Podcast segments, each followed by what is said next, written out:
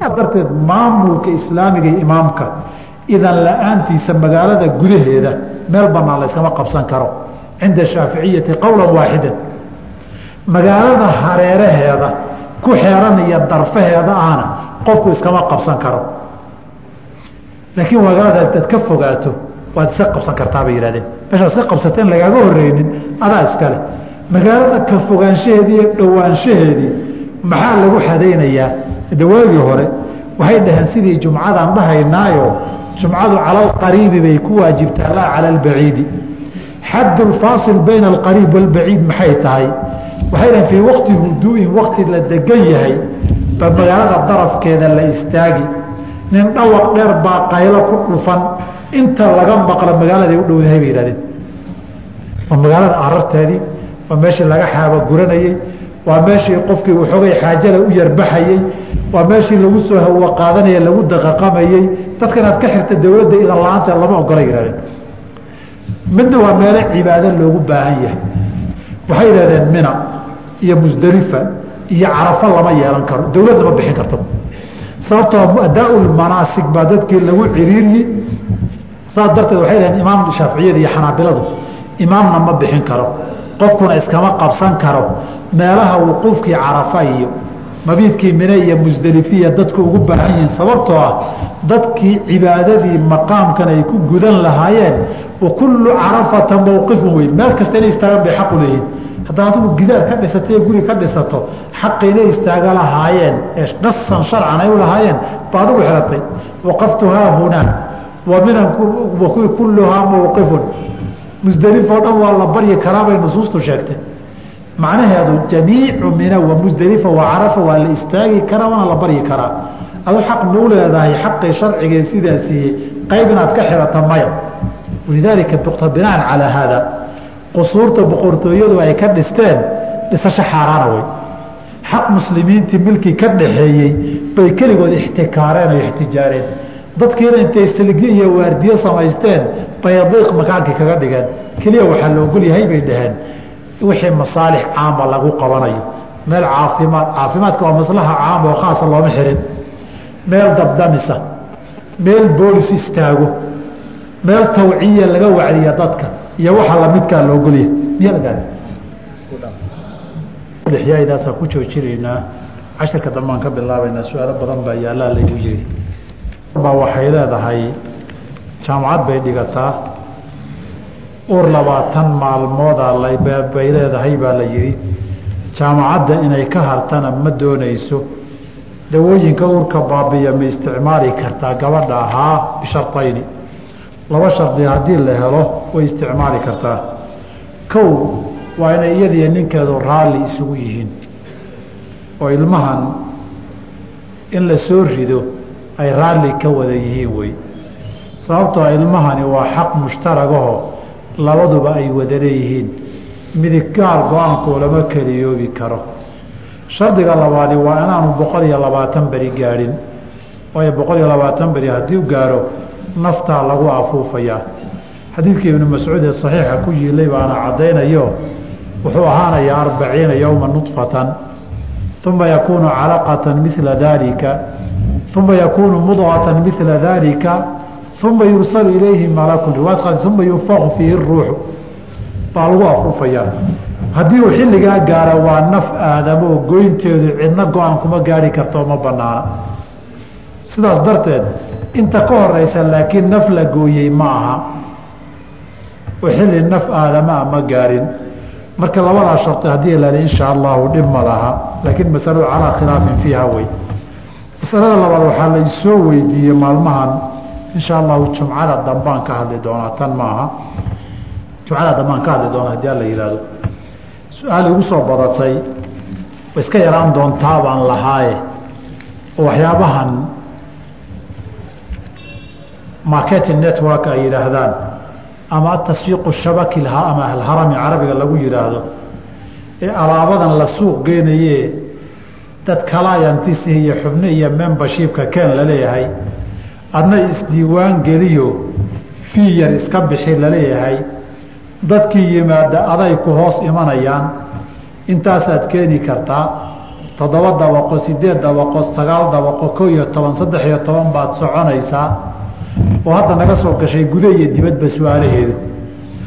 Masaladaa faahfaahinteeda waan ka hadli doonaa laakiin warka murtidiisa waa xaaraan arrintaas ma banaana dhammaan suuqgeyntan ku saabsan xubin in laga noqdo. Markaad xubin noqotana dad xubnaha aada keento wixii iyagu ay keenaanna iyaga uu sii hoos galo. Tusaale ahaan aan ka soo qaadna saddex qof baa lagu ogol yahay. Hadda adigu keligaabaa tahay saddex baad keentay saddexdii adiga afar baa tihiin saddexdii nin walba saddex baa loo ogol yahay saddex saddex ku dhufo waa sagaal iyo adigii toban baa darajada labaad tegaysaan. Tobankii sagaalka ninee hoose may saddexda sagaal iyo saddexdii dhexe labiiyo toban iyo adigii afar iyo toban baa tihiin.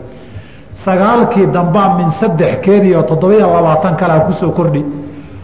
Toddobiyo labaatankiibaa min saddex keeni waa saddex saddex haday ku socoto laba labo hadday ku socotana khadkaa unbaad mari.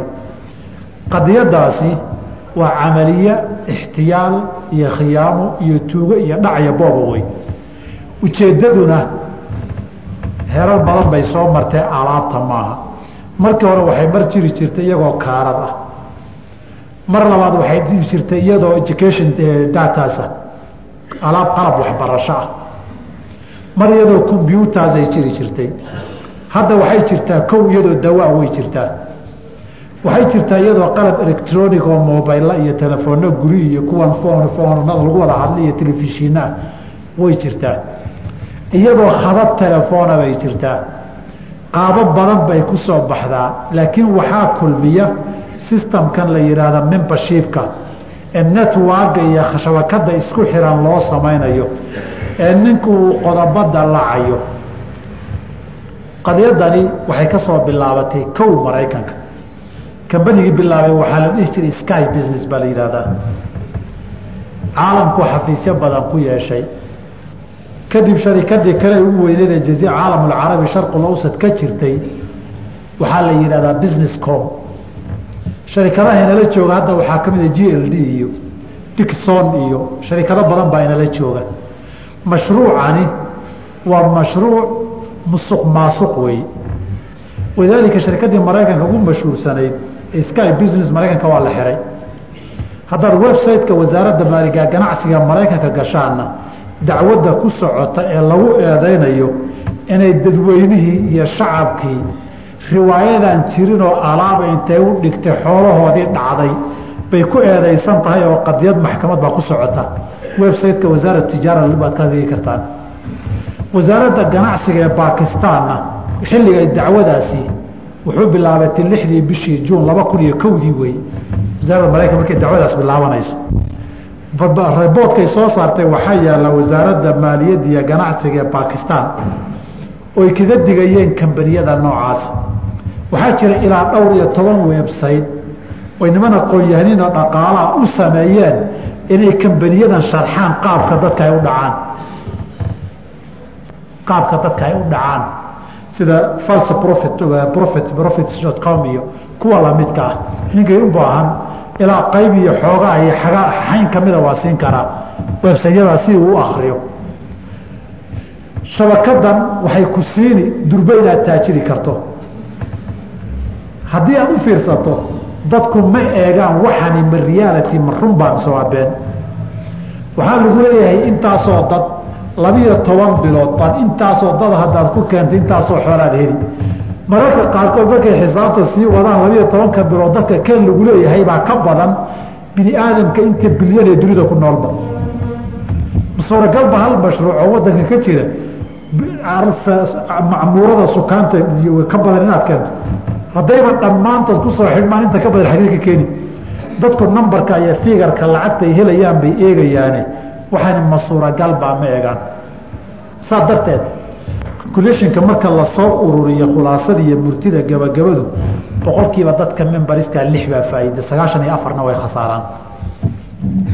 Waxoogay dhalanteed iyo qiiq bay hiigsadaan. Qiiqa ay hiigsanayeen marka dambana meel banaan bay fadhiistaan saas darteed wey waxaa wadamadan wasaaradahoodii maxkamad ula fuulayaan dacwadii dadkii horteen ku gubtay waa xoolaha iyaga way dhamaysteen waxna ma hayna leh. Kow inaad khasaartana waxaad ku ogaan dadkaa keentay dadkay keeneen horta maba ogaan kartid. Inay wax gateenna ma ogaan kartid. Saas darteed waxaad helaysa intee ka keeni. Waa iyagu waxaad keentay waxbuu keenay waxbaad heshay inay ku dhahaan. Marka labaad laba arimood baan ku gebagabayn su'aashan igu dheeraatay intaa ka badan ma doonayo mar baan ka hadli doonaaye. Dadka waxaa loogu sheekeeyaa alaab baan gadaynaa adna dilaal baa tahay. Labadaas laba wax jira mah been wey waxaa la gadaya alaab inay tahay. Alaabtu waa sawir iyo maxlal maxlal wey alaabtu dhab ma aha. Dhowr arrimood baad ku garanaysaan. Waxaa la gadaya alaab inaynan ahayn waxaad ku garan shirkadda waxa ugu muhiimsan bal shirkadahan oo dhan website-kooda gala. Waxa ugu muhiimsanaya xeerarka u dejinaysa waa membershipka eh alaabta maaha markay taariikhdooda ka sheekeynayaan waxay horumarin iyo kharash geliyeenna. Waa sistamka network iyo shabakadan suuqgeyntu u shaqaynaysee xoolihii wixii laga ganacsanaya laftiisii ma aha. Wax macnaha kuma fadhiyo.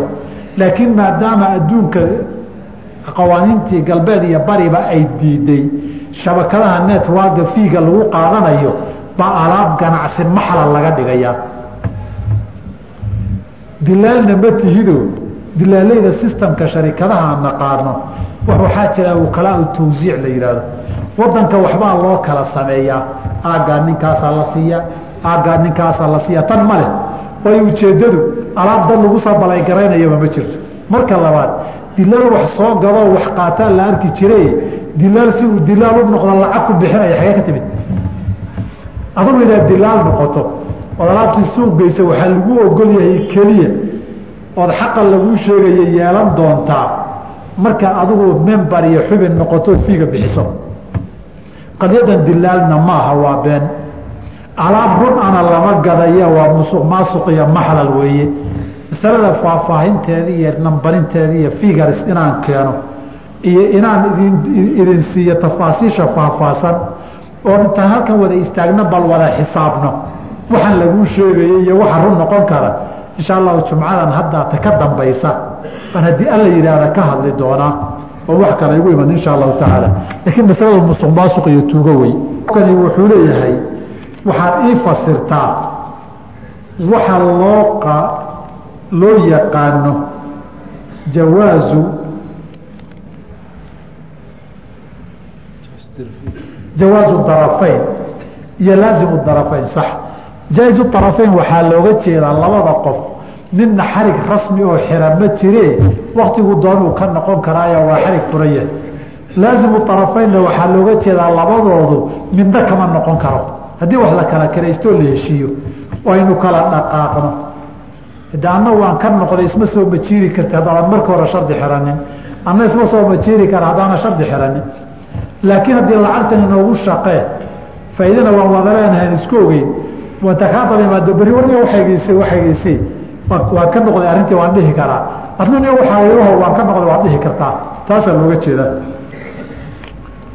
Sheekh lacag aan ku helay mukulaal madownimo lacagaan ku helay mukulaal madownimo xaaraan miyay noqonaysaa? Mise waa bannaan tahay? Maadaama ninkaas aanu ilaalsho xoolihiisa. Qadiyadani wixii kale waa gaar. Haddii shaqada aada qabatay anuu de musطalaxan aad uma wada aqaano oo maqal igu yahay.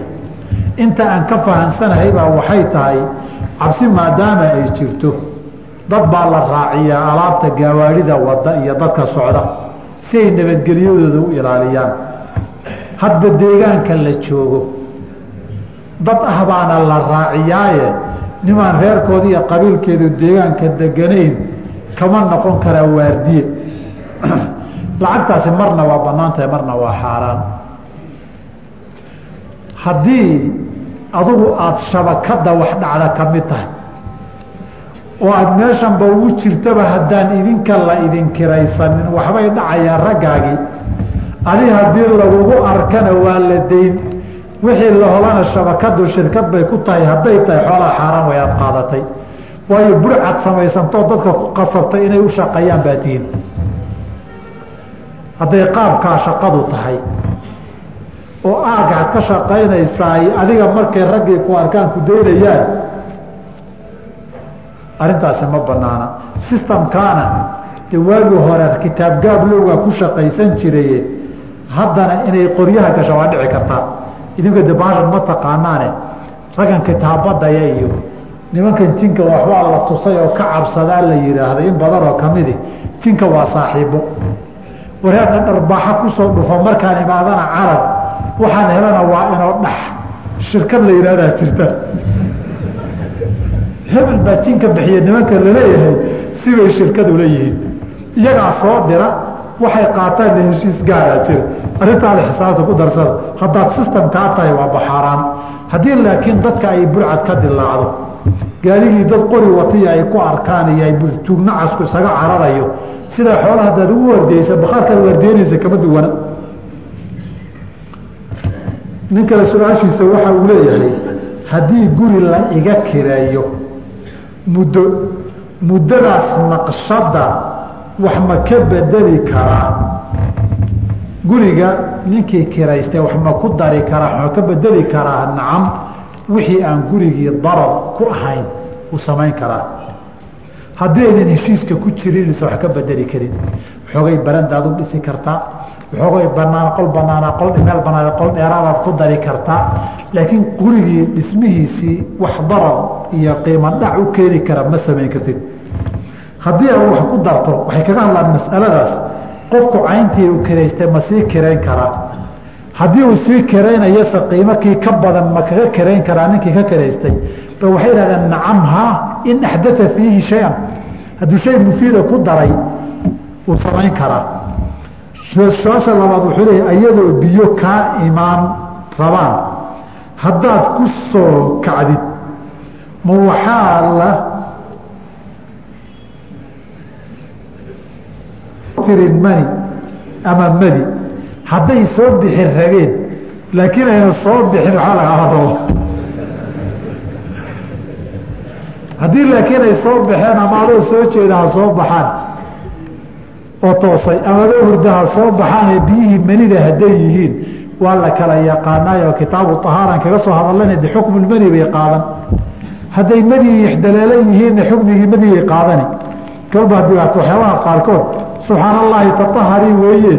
Faafaahin haddaa rabto si gaaruhun baa lagugu sheegi waxaad ii sheegtaa lacag akown ku jirta oo aan lagu shaqaynin lana go'aamin wixii lagu qaban lahaa.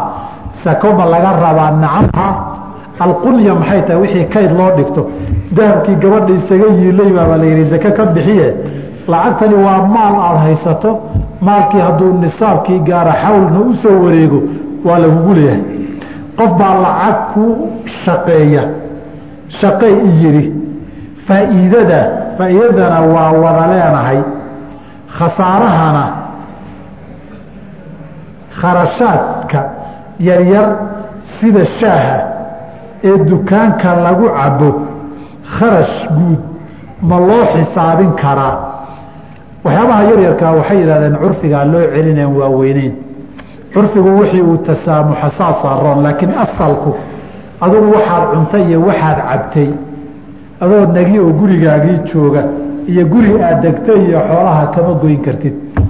Laakiin kharashaadkay shaqadu u baahan tahay oo guri kiradii iyo korontii waa laga goyn karaa. Masalada horaan u soo marnay faahfaahinteedana bunuuqta markaan ka hadlay inaan u dibdhignay waxaad inoo faahfaahisaa qofka shaqaalaha goobtaas ou ka shaqeeyo maxaa uga bannaan inuu ka isticmaalo? Marka laga reebo mushaarkiisa wixii curfigu in la isticmaalo ay tahay baa loo ogolyahay. Meel baad ka shaqaysaa makhaayad baad ka shaqaysaa? Inaad biyo cabto ama aada shahayda ka cabto ama xilligii cuntada shaqaaluhu ay wax ka cunaan wixii xadda curfigaa la ogolyahay dukaan baad joogtaa dukaankii waxoogay marka la jooga hadday curfigu tahay ninka ka shaqaynaya waxoogay markuu cajiso waxaa laga rabaa inuu firfircoon yaho dadkii ugu yeero waryaa gadanaya waryaa gadanaya yidhaahdo. Hadhow markuu yardaala haddii curfigu yahay gabadha sheeha wada koob waad ka shuban kartaa curfigu hadduu yahay. Waa lagu ogolaya wax yararkee curfigaa curfigaa masaladaa loo celinaya ganacsiga adu laakiin waxa aada leedahay waa wixii ay mushaarkaagaa keliya wey hubka la isku dilo magaalada ma lagaa magaala magaala ma lagaa baan u malaynaya ergiso sida qoriga iyo wixii la mid haddiise aan nin qorigayga intaan ergiyo uu siiyo. Ergiso u siiyo la dilo. Ninkii qorigaygii qori ma ergisa ma u bixin karaa. Nacam haddii uusan qofkani laba xaala midna haddaynan ahayn. Haddii uusan qofkani aadan ku ogeyn xumo inuu u adeegsanayo ninkan guri buu leeyahay gaadiid buu leeyahay ganacsi buu leeyahay tuug buu ka cabsanayaa aan isku waardiyeeyo walaal qorigaaga isi hadduu ku yidhaahdo way bannaantahay inuu iswaardiyeeyo qorigaaga inaad ku caawistay inaad ka kiraysa labada way bannaan laakiin haddaad og ninkan qoriga wuxuu kaaga ergisanaya dad inuu soo dhaca inuu rabo. Niyo raggii saaxiibada caawa baxayo. Meel baa waxoogay la soo boobayaaye qorigiisii. Waxaan soo helana waxba wada leenahay. Haddii waxa la soo boobaya xalaal uu yahay. Oo nin xoolihiisu bannaan yihiin oo gaal xarbiga la boobayo waad ergisiin kartaa waadna ka kirayn kartaa. Jihaadkaba soo nin lama kiraysan karo. Way bannaan tahay.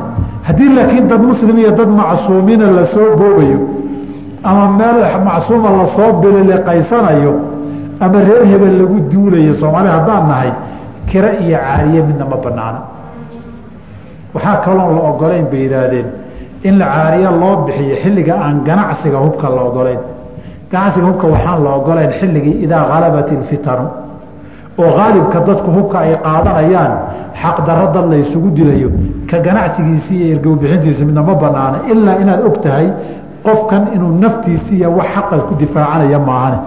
Haddee saa su'aashu ahayd sidaa wey inta kale waa akri waaye. Ragga gaala raaca ee xidhaalaha ragga geelraa geela raaca wey gaalaan moodi muujihayaan ee xidhaalaha ka qaata. Markay neef lunto ninkii geela lahaa ayay kharash u soo doontaan. Waa sidee? Ninka geela raaca isagaa xifdigiisa lagu leeyahay. Hadduu isagu dadaalkiisii sameeyo wixii daaqadiisa ka baxsan weliba geela soomaalidu ee habeenkii la daajinayo.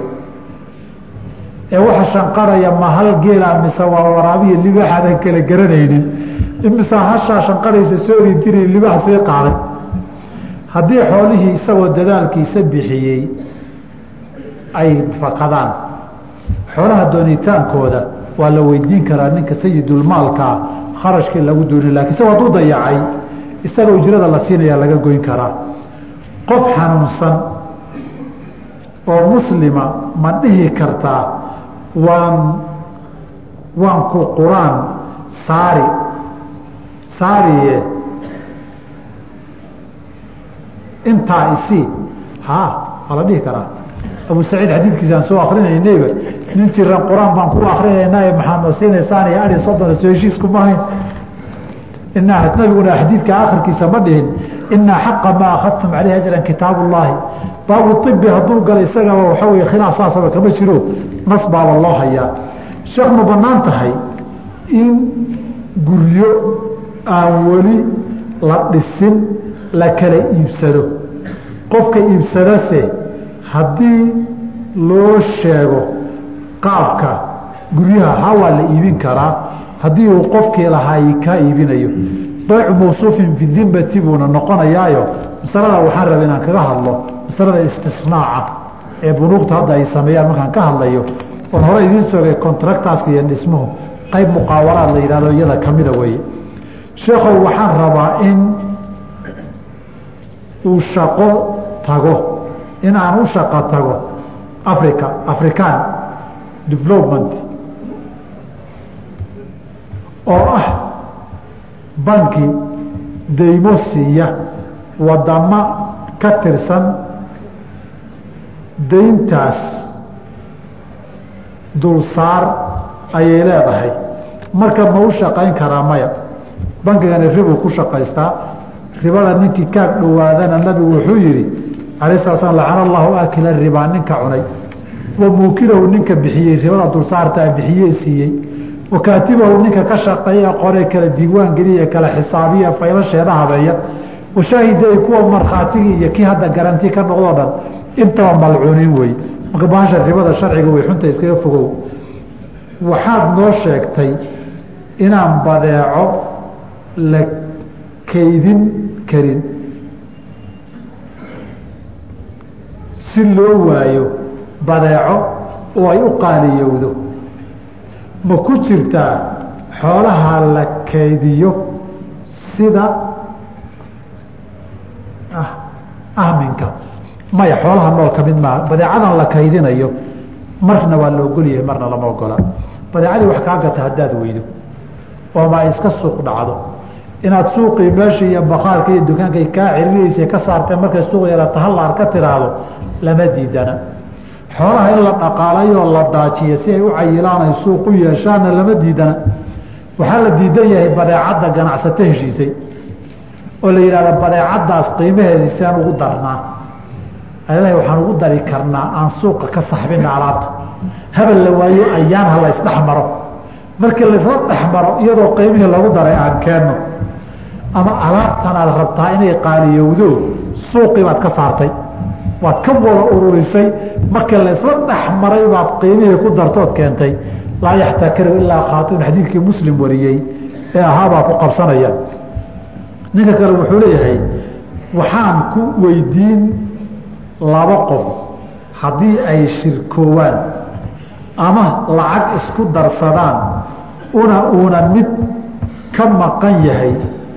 Ma ku qaadan karaa xoogga mushaar. Masalada waan ka soo hadlay waxaan haddaa shirkatihiin xoole isku darsaday. Xoogga qofku bilaash maaha. Maadaama xooggiisii uu ka shaqaynayo xaqii shirkadana nin walba wixiisii ku faa'iidayo xooggiisa mushaar uu ku qaadan karaa. Ama wax dheeraad oo dib laga siinaya waa lagu siin karaa. Taa horaan dhowr jeer oga soo hadlay. Waxaan ku weydiinayaa anigu dukaanle ayaan ahay. Marka dad kastamarkayga ka mid ayaa waxay ii keensadaan bisha markay bilaabato lacagtiiba lacagtii bishaa cuni lahaayeen. Markay wax iga qaataanbana waan ka jartaa. Lacagtaana anaa haya. Qadiyadani waa waxaan su malaynayaa horan u soo tilmaamay. Masaladan waxaa baycu ahli lmadiina la yihahdaa may macruuf ku tahay waana masale tan iyo xilligii saxaabada jiri jirtay. Laba wej bay u haddaba labadaba. Laba wejay u mid waxaa weeye dadku lacagtii bisha aakhirkeeday mushaarka qaadanayaan. Alaabta waxaan biil u baahnahay iga sii gad bisha aakhirkeedana aan ku siiya way bannaan tahay. Waxaa kaloo bannaan lacagtan iga hay. Iyar iyar waxaan u gata uga goo bisha aakhirkeedana waynu xisaabtamina iyana way bannaan tahay. Waa curfi min cahdi saxaaba jiray xilligii cumar dawaawiintii cataha sameeyey bayna si aada u bilaabatay. Dadkii cataha bisha lagu siin jiray wax la siin jiray dowladdu siin jirtay oo meelaha qaarkood hadda looga yaqaana caydha yurub looga yaqaana iyo waddamadaa loo qaxay caydh bay ahayd dadka la siin jiray. Dadku caydh ma wada ahayn laakiin dadka cataa la siin jiray. Ilal cataa'i bay ka sii biil qaadan jireen. Qaarna catihii ay heleen bay u dhiiban jireen. Masale macruufay ahaydo baycu ahli bay maalikiyadu u yaqaanaan. Masalada maalikiyada ugu mashhuura maadaama camalu ahlilmadiina iyaga agtooda wax gaara uu ka yahay qaarkood ijmac bay ku soo guuriyaan. Dadka samayn jiray waxaa ka mid a cabdullaahi bni cumar saali bni cumar cabdullaahi bni cabaas bay ka sugantahay arrimaha inay samayn jireen radi allahu canhum jamiican. Wuxuu yidhi sheekh bangiyada shaaha iyo biyaha laga cabo oo ay dhahaan waa soo dhoweynta kastamarka maxaa ma xalaal ba ahaa iyagii lahaaba hadday ku tabaruceen waa min baabi tabaruce way bannaan tahay. Inaad biyaha cabto way bannaan tahay. Keliya iyagu inay tabarucaan ma u bannaan tahay weeyo. Masalada dadkoodii madaxda ahaa iyo maxay u arkeen? Waxaa weeye unbay noqone adugu haddii la tabarucay iska cabdhi ma leh. Shareecada maxay ka qabtaa? Mobil haddii uu leeyahay damaanad qiimo qaali ah. Haddii uusan lahaynna qiimo ka jaban marka uu damaanad leeyahay. Dhib ma laha way bannaan tahay waxyaabahan garantiga la yidhahdo ka hadlayaa baan u malaynayaa. Garanti hadduu yeesho anaa kuu samayn hadduu xumaadaa in qiimo qaali ah lagu sameeyo way bannaan tahay oo dhib ma laha. Damaanadda la diidan yahay taas maaha hebel inuu xoolaha bixin anaa damiinka ah inaad lacag ku qaadataa la diidan yahay. Alaabtan aad iga gadee waa qismi ka mid a asalaama min alcuyuub iyo waxyaabaha soo raaca wey sharci miyaa miyuu miyaa laanta qoyan oo qofka markuu dhinto qabriga madaxa laga geliyo. Masalada xadiid baa ku soo arooray. Culimmadana aragtidoodu tafsiirka xadiidkay ku kala duwan tahay. Culimo badanna waxay qabaan nabig ala ninkii uu soo maray labada qabri yihi inahumaa la yucadabaani wamaa yucadabaani fii kabiirin markaasuu laan u yeelay qoyanoo labuu u kala gooyey labada dhinac buu ka qot labadii qabri buu ka qotamiyey. Markaasuu u istifaa way tasbiixsanaysaa inta ay qoyanta. Taasay masaladu ku salaysan tahay oo asal bay leedahay. Tafsiirkeedana waa iska masala ijtihaadiya iskhilaafkeeda culimo waaweyn baa isku khilaafsane. Waxaad u laga dhigin.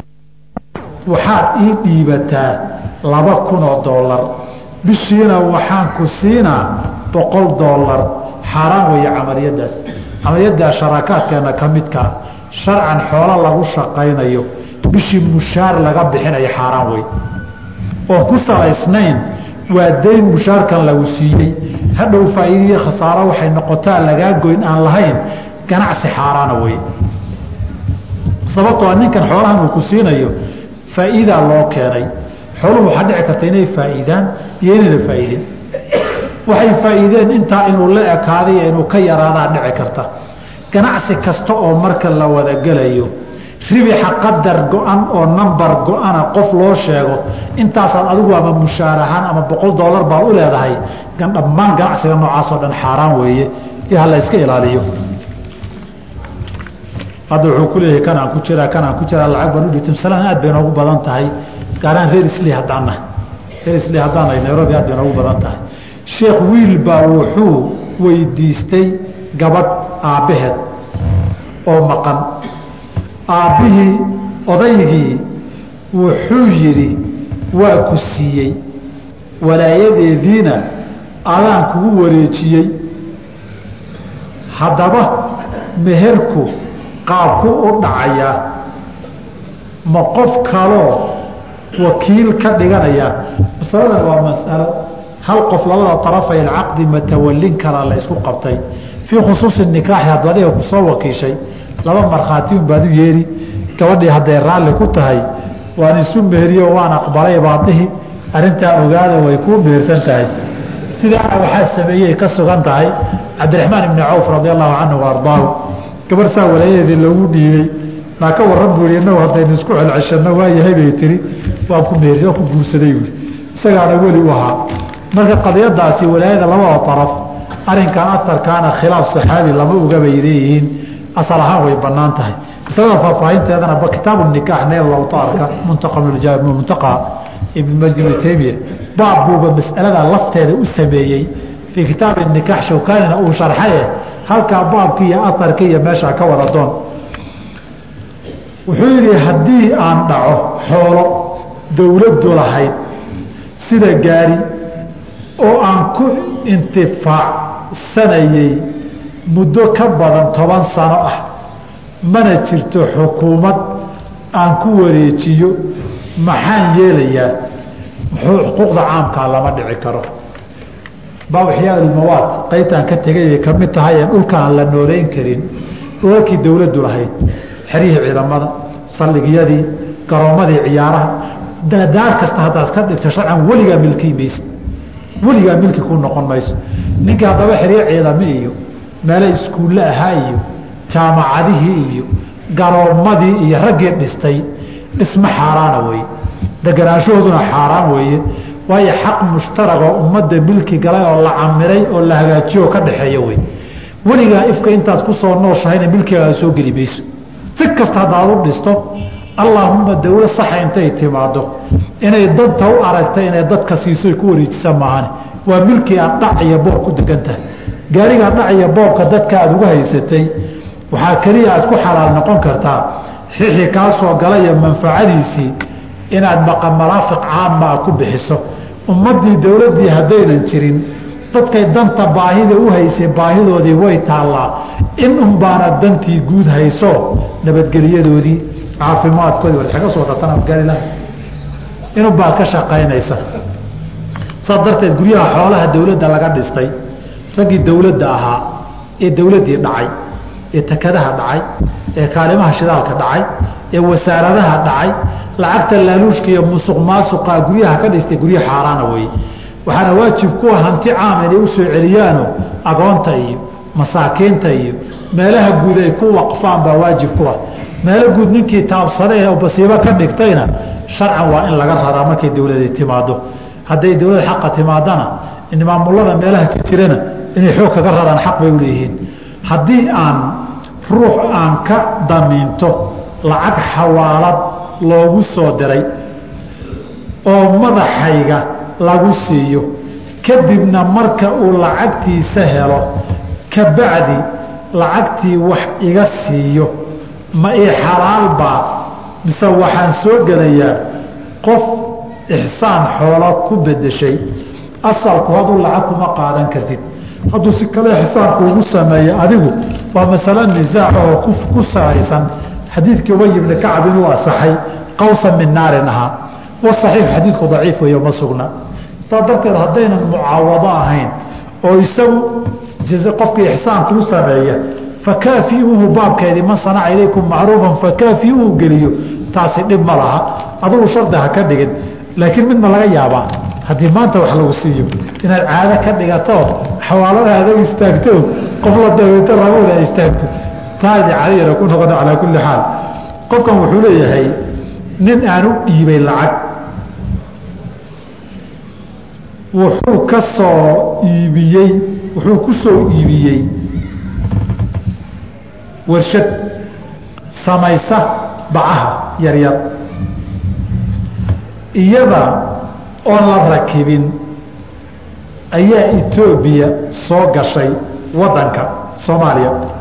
Ninkiina uu ka cararay warshadii warshadiina laba sano kadib way hallowday. Yaan ku leeyahay qarashkii aan baxshay. Ninka cararkiisu hadduu isagoo xifdihi kala cararayna isagaa lagu leeyahay oo dayacay hadday xaaladeeda naftaa la carar noqoto ka tanweynaatoy madaafiic iyo hoobiyaal soo dhaceenna de xoolo khasaaray guryaaba dubay kuwaan bay la mid tahay. Xoolaha cadowgu ninkani wax tacadi iyo dayaca ma samaynin. Hadduu aabbahay dhinto hooyadayna uusan siin meherkeeda ma ka gudi karaa haa dhaxal dayn lagu leeyahay weeye ma ka gudi karaa dhaxalna uusan ka dhimanin xaqii lagu lahaaye bini aadam. Hooyada hadday cafidana wanaag. Haddaynan cafiyinna inaad ka guddaan aabba waa idinku leeyahay. Fa daynullaahi xaqu bilqadaai di oo kaleeto weeyo. Daynta ilaahay baa la gudayaa. Daynta aadamaha ma ka gudi lahayd bu nabig al sl kaasuu yihi haa inaad ka guddo waalidkaa baarinimada ay ka mid tahay. Gabadha muslimadda ah xajka maku waajiba ma ku waajibayaa? Hadduu sawjkeeda awoodo inuu geeyo asaga ma ku waajibbaa haddii uu sawjkeedii awoodo iyada idankiisay u baahan tahay. Haddiise ay xajkii iska diyaargarowdo iska labisato xuja maca mra'atika un dhahaynaa sidii ninkii nabigu u yihi sal alay wasalam haddayse haysato waxay ku aado uuna ka diido maxram inuu u noqdo keligeed ma aadi kartaa hadday rufqa aamina hesho calaa qowli jamhuuri اfuqahaai raxmat ullaahi calayhim haddaan xaaskayga labo dalaaqo ku furo.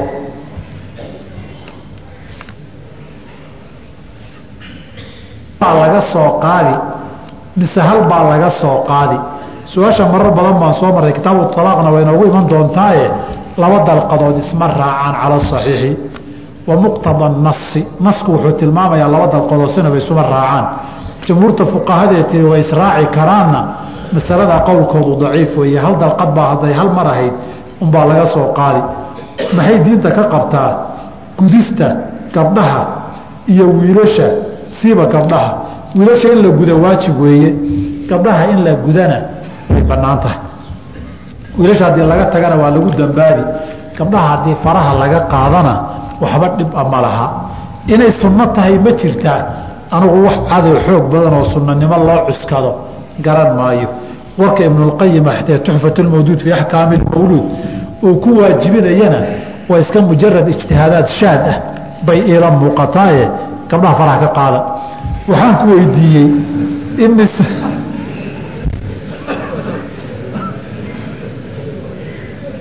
ayuu qasrin karaa qasriga ii xirnaani karaa ama aan xirnaan karaa ilaa bil haddaad meel iska joogto qasriga horta xirasho uma baahna. Wax la soo niyoodana maaha wax guriga reer laga soo xirtana maahane haddii aad musaafir noqoto otomaatic baad xaqa gaabinta isaga leedahay. Ilaa haddii aad warwareegeysana waa intaad warwareegeyso haddii aad meel degan tahayna inta ugu badanen anuu nabiga ka arkay waa bil calayhi salaatu wasalaam. Afarta beri wax daliiloo saxay ma laha. Waa ijtihaadaad iyo waxoogay la soo xagxagtay weeye. Facilka nabigu bil buu safar ku macnaa tabuu isagoo inta u badan meel degan buu salaada gaabinaya sala allahu alah ali wasalam qof islaam ah ajnebi ma lagu tilmaami karaa. Su'aasha waxaan u malay waraysi maalin dhaweyta idaacadaha ka baxay bay daba socotaa. Ereyga ajnebi waxa looga jeeday ku xihan yahay. Qofka muslimku mustalaxaadka sharcigihii ajnebi wuu noqon karaa. Markii laga hadlaya qadiyat iyo qofka yaa maxram waa yaas ajnebi ka ah. Kutubulfiqhi ereygaa way isticmaalaan. Qofka muslim haweentiihi dad maxaarim ana way leedaho safarka u raaci kara oo khalwo ay dhex mari karto oo gacmaheedi iyo madaxeedi iyo meelo arki kara. Dad ajaanib ana way jiraan. Alkhalwati lafd ajnabi khalwat lmarati biajnabiyi biljnabiyati ereyga waa la isticmaalaa. Waa dad ay kala fog yihiin. Musalaxa haddaba erey ahaan waxaan uga jeedaa idinkoo wax kale eegaya musalaxaadka erayada sharcigu sida loo ogol yahay magacii inaad dhibsataan hadhow yeelan keenin. Haddii looga jeedo shisheeye aan wadanka waxba ku lahayn ninka muslimkii dhulalka muslimiinta waxbuu ku leeyahay. Gumaysiga galbeedka ugu horeysay inuu qofka muslimkihi xuduud wadanku kala yeesho wadan kale uu marti ku noqdo galbeedka iyo gaaladu fikir iyo mabda inoo keena wey muslimiintu dowladay lahaan jireen laakiin xuduud ma lahaan jiren waxaad arki jirtay taariikhda nin dowladda wadan hebel qaadi ka ah amar wasiirka ah uu ka soo tegi way isku dhacayaan. Dowladda kalu markiiba qaadi ka noqon xagga kale markuu tago nin wadan qurbaa yimid iyo nin fiisa u baahan iyo iqaamadaadii awa iyo wadanka maxaad u timid iyo ma jiri jirin. Sheekadan sheeko galbeed muslimiinta lagu googoonayo weeye warkaa haddii looga jeedo qofka muslimka ee muslim sharcan ajnabi kuma aha in laga dhiga dulmi iyo gardarre iyo xadgudub weeye warkaa gaalada yaan lagaa dhaadhicinino yaan lagugu akrin marka warkaygii ninba wuxuu u qaataba. Warka murtidiisu intaa wey inuu ruux inuu ruuxu jin inuu ruuxu jin geli karo ma daliil dhab ah baa haa daliil baa loo hayaa. Jinku inuu qofku geli karo.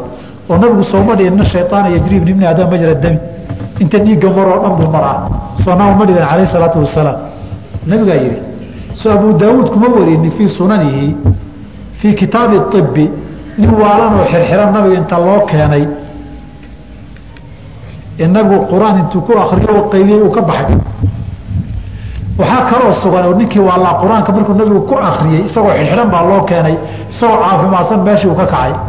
Waxaa kale nabigu iyo nabigu ala sl rag cunto cunto la cunayo. Cuntadii wili la bilaabin soo ilmo orday intuu yimid dhab ma siinin. Oo shaydaan baa inuu gacanta gashado dabcay. Marka shaydaanku yajrii min ibni aadam majra dami. Waana masale kutub laga qoray weeye masalada su'aasheeda masale cusub maaha ehelkayga ayaa i weydiistay qaaraan looga hortago kooxaha ka soo horjeeda dowladda.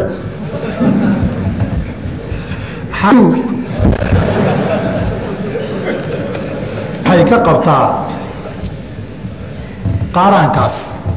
Qaaraanka waxaa weeye lagu laynaya dad muslima oo xabad lagu laysugu ridayo intaan ogahay bixintiisu ma banaana diintu maxay ka diintu maxay ka qabtaa in kooxi ku heshiiso inay qabtaan camal oo ay samaystaan amiir camal khayri ah. Weliba matafaraaruqba masalan jamaacaadkii baad weydiinaysaa baan u malayne? Warka si kalaad u qorteene camalka jamaaciga asalkiisu waa bannaan yahay. Mar horaadin irioo nimankii wax badan isxiijiyeyna wax macno loo la taabta way keeni waayeen usuusha acmaashana asalka ibaaxada weeye tafaraaruq wixii keenayana ma banaana tafaraaruq wixii keenaya ama amiir ha lahaado ama koox sheekh ku xidhan ha noqoto ama qabiil wada dhalasho ha isugu xidhnaadaane wixii ummadda qaybinaya ma banaana tan nimankii yidhi acmaasha ma banaana maalinkii dambe maalin kasta waxay u baahdeen shardi iyo qeyd cusub inay qowlkoodii ku soo daraan say u wadeen camal jaamaaci oo laysugu yimid amiir lama banaana waxaa la yidhi jamciyadahana ka warrama.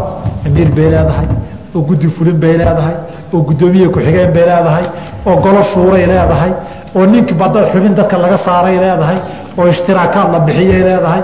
Laakiin samafalka iyo agoon iyo waxbay ka shaqaysaa. Taa kuma jirto. Maxaad uga jeedaan asiyaasiyati baan ku daraynaa dheh mudda markii la joogaba qayb baa ka hor timaado qeyd baan ku daraynaa masailka masaailka ijtimaaciga ususha shareecada banaan weeye wixii tafaraaruq keenaya looga jeedaya tacasub haddii walaa hadday gashana ma banaana diidada ay raggaasi diidan yihiinna ma wada tirna. Kooxaha jamaacaadku ururka sidiisa waxaa laydhaha ururku ama diin ha noqdo ama yuuna noqonine qodob asaasi oo lafdhabar ruuxda ay ku shaqeeyaan aan ka maarmin baa jira. Rag baan ishaynaa rag baan ishaynaa jamciye khayr hadday tahay jamciyadii kale way ordayaan. Nooc xina kaba yar madha xinkaasi dadkuu soo wada galaayo. Sheekha xerta lehba sheekh kaleoo xer lagu yar ximiyaa sooma xer la yeesho ma xaaraantinimin laakiin xinkaa xaaraana madaahibtu madaahib inay noqoto bannaan tahay laakiin inay isximiyaan oo isu xusulduubaan ma banaana xusulduubkaa iyo xinkaan la ogolayn kooxuhu haddaba hadday xusulduub iyo xin timaadana kaama banaana wixii kalena khayr isu kaalmaysi hadhib ma laha. Sheekhow haddaan qofkan u shaqeeyo bishii mushaar ka qaato. Qayb kula shirkoobo. Aanan marka aan bilaabayo la xisaabtamin. Dukaanka inta taal su'aashan ma fahmin. Aniga anigaaba xeeqe ani laftayda xeeqay sooma ya. Baashaa ka badbadina su'aaluhu dhammaan maayaan mogta haddaan bil haddaan saa u wadno. Habeenka habeenka dambe ba ka soo dari marka ummad dhan oo su'aal culamayda ku noqoto rabto wey su'aal baa waxaad rabtaan culamayda ku noqotaanoo muftiin iyo mujtahidiin su'aal ku gaartaan. Marka baasha dhammaan mayso mogta sheekh waxaan ku weydiiyey diinay. Dad badan baad moodaa waxaan ku weydiinay culimmada qaar ayaa waxay leeyihiin shareecada waa loo codayn karaa. In la qaato ka waran ka waran bal arrintaas waa loo codayn karaa maxay ka dhigan tahay? Haddii la rabana waa la yeeli haddii waa la didi miyaa? Saas miyaa saas miyaa macnaheedu? De ninkii su'aasha soo qoray waan rabaa inuu ifasiro le su'aashaadaan kaaga jawaabi waxaan rabaa fahamkaaga inaan kaaga jawaabo mise wuu gabanayaa waxoogay waa naqaanaayo? Wadaadada madfaca hortiisa intii loo dhiibo ba idina gabanaysaan. Shareecada islaamku waa waajib ilaahay dadka saaray inay raacaan. In lagu xidho haddii looga jeedo waa loo codaynta aynu kala eegna inaynu qaadanayo in kale ayn ishaafalatayno oon kala khiyaar qaadanna haddii ay tahay. Warkaasi muslim uma banaana qof muslima ishaafalataysi uma banaana hadday tahay dad bijinay oo baas baa waxa la noogu daray. Inaan marsiinaan rabnaa. Si kalo iyo dariiq kale oon marna weyne nin soo quustay oo daalay hadduu yahay oo bal halkanna shariico inaad ka hirgelin karta isku day yidhaahdaay waa masaa'il mashhuur oo masalada soomaaliya keliya maahee nimanka islaamiyiinta la yidhahdo meelo badan bay galeen baarlamaanada. Mooshinadaana ay keeneen masar bay galeen urdun bay galeen suuriyay galeen kuweyt bay galeen yaman bay galeen bakistaan bay galeen marookay galeen jazaa'ir bay galeen. Meel iyo laba iyo saddex ma ah intabana mooshin waxay wateen ah shareicada ha lagu dhaqmo. Bal dadkan inaan marin karna aan isku dayna si kale keli weyne hadday tahay. Masalada mashhuurkunbay ka mid noqone. Wax iyada keligeed soo loo qariibsado oo wax hadda cusub oo dhacay looga dhigo in dan kale jirto kowdhe iyo in qofkan waxa adduunka ka jira uusan la soconino hadda uun tanuun maqleo waaga u beriye labadaa mid wey masalada masalada mashhuurkunbay noqono muxaawalaadka qofku isku dayaya bal dadkan inuu ku qanciyo oo uu u doodo unbay ka mid noqon. Laakiin hadday dadku muslim wada sheeganayaan yaa ogol yaa diidan aanu codaynadu wej banaan ma aha. Inta aan garanaya sharci way dhammaantood bay waajib ku tahay inay qaataan. Maalmahan waxaa soo baxay ummaddii islaamka ahayd inay maalin hebel iyo maalin hebel u dabaaldegaan sida maalinta dhallinyarta maalinta xornimada iyadoo baltaas iyadana baltaas ka waran de maalmihii kale sheegtaye maalinka maalinka shaqaalaha maalinka hooyooyinka maalinkii waxay ugu daray waxay soo wadeen soo wadeenba kowda abriil maalinta beentay dhen adduunka. Adduunka munaasabad been munaasabad loo sameyo maaragta waxyaabahan ikhwaani acyaadan sanadlaha laga dhigayo waa min albidaci bay ka mid tahay. Acyaad iyo ciidiyo sanad guurooyin badan bay lahaayeen. Reer carbeedii markii islaamku yimid dhammaan waa la baabi'iyo. Ciidulfitri iyo ciiduladxaa baa laga soo reebay. Sanad guurooyinkan iyo munaasabaadkan maalinkii xisbiga la aasaasay maalinkii kacaanku dhashay maalinkii madaxweynuhu dhashay maalinkii xorriyadda la helay maalinkii waxaa la sameeyey maalinkii dadkaa gumaad ku dhacay daqiiqadaha la aamuso waxoogay halaya rogto hala far waxaani gaalo iyo dhaqan bidac iyo gaalo wey waxaa intaa inaga daysaan maalmaha ilaahay weyneeye ina yidhi iyaga hala weyneeyo subxaanaka allah bxamdika ashhadu an laa ilaha illa anta atubu ilayk الرحمن الرحيم الحمد لله رب العالمين وصلى الله وسلم على رسوله الأمين وعلى آله وأصحابه أجمعين ومن تبعهم بإحسان إلى يوم الدين أما بعد waxaan ku jirnay fasalkii ixyaau lmawaad oo qeybta fuqahadeennu markii manhaajka la akhriyaya ay u yaqaanaan buyuucda ugu dambeeyey waxaa fasalkan ixyaau lmawaad ka dambeeya ilaa kitaabu nikaax la gaarana waa qeybtii la dhihi jiray tawaabicda ay yidhaahdaan. Marka ixyaau lmawaad waa dhul aan lalahayn haddii uu qofku qabsado oon looga horeynin mawaadka ah dhul aan lalahayn hadda adigu qabsato oo qaab sharciga waafaqsan aad u qabsato inaad adigu leedahay waxaan soo marnay inay laba shardi leedahay arrinkaas inuu dhulku dhul madax bannaan oon horey loo yeelanin oo maalik mucayana ama maslaxaad guud in loo milkiya uusan ahayn. Iyo qofka yeelanaya inay fuqahadeena shaaficiyadu ku xireen shardi inuu muslim yahay. Waxaan joognay halka uu yihi wasifatu lixyaa'i maa kaana fi lcicaadati cimaaratan lilmuxyaa wuxuu ka hadlayaa daabidka maxaa dhulka nooleyn la dhihi karaa. Tallaabadee baanse haddii aan qaado dhulkii aan la iga horeynin aan kun milkiyi karaa. Wa sifatu lixyaa'i noolaynta qaabkeedu. Maa kaana wixii ahaaday weeye? Fi lcaadati caada ahaan cimaaratan camiritaan lilmuxyaa dhulka la nooleeyey. Waxau rabaa mualifku inuu yidhaahdo arrintaa curfiga iyo caadada loo celinayaa. Zamanka la joogo iyo goobta la joogo iyo waxa dhulka laga damacsan yahay ee loo milkinayo. Waxaa kala duwan dhulku hadduu baadiye yahay iyo hadduu magaalo yahay. Waxaa kala duwan dhulkan haddii dhismiya deegaan laga rabo haddii beer laga rabo haddii ceel laga rabo way kala duwan tahay danta iyo ujeeddada aada u milkinayso.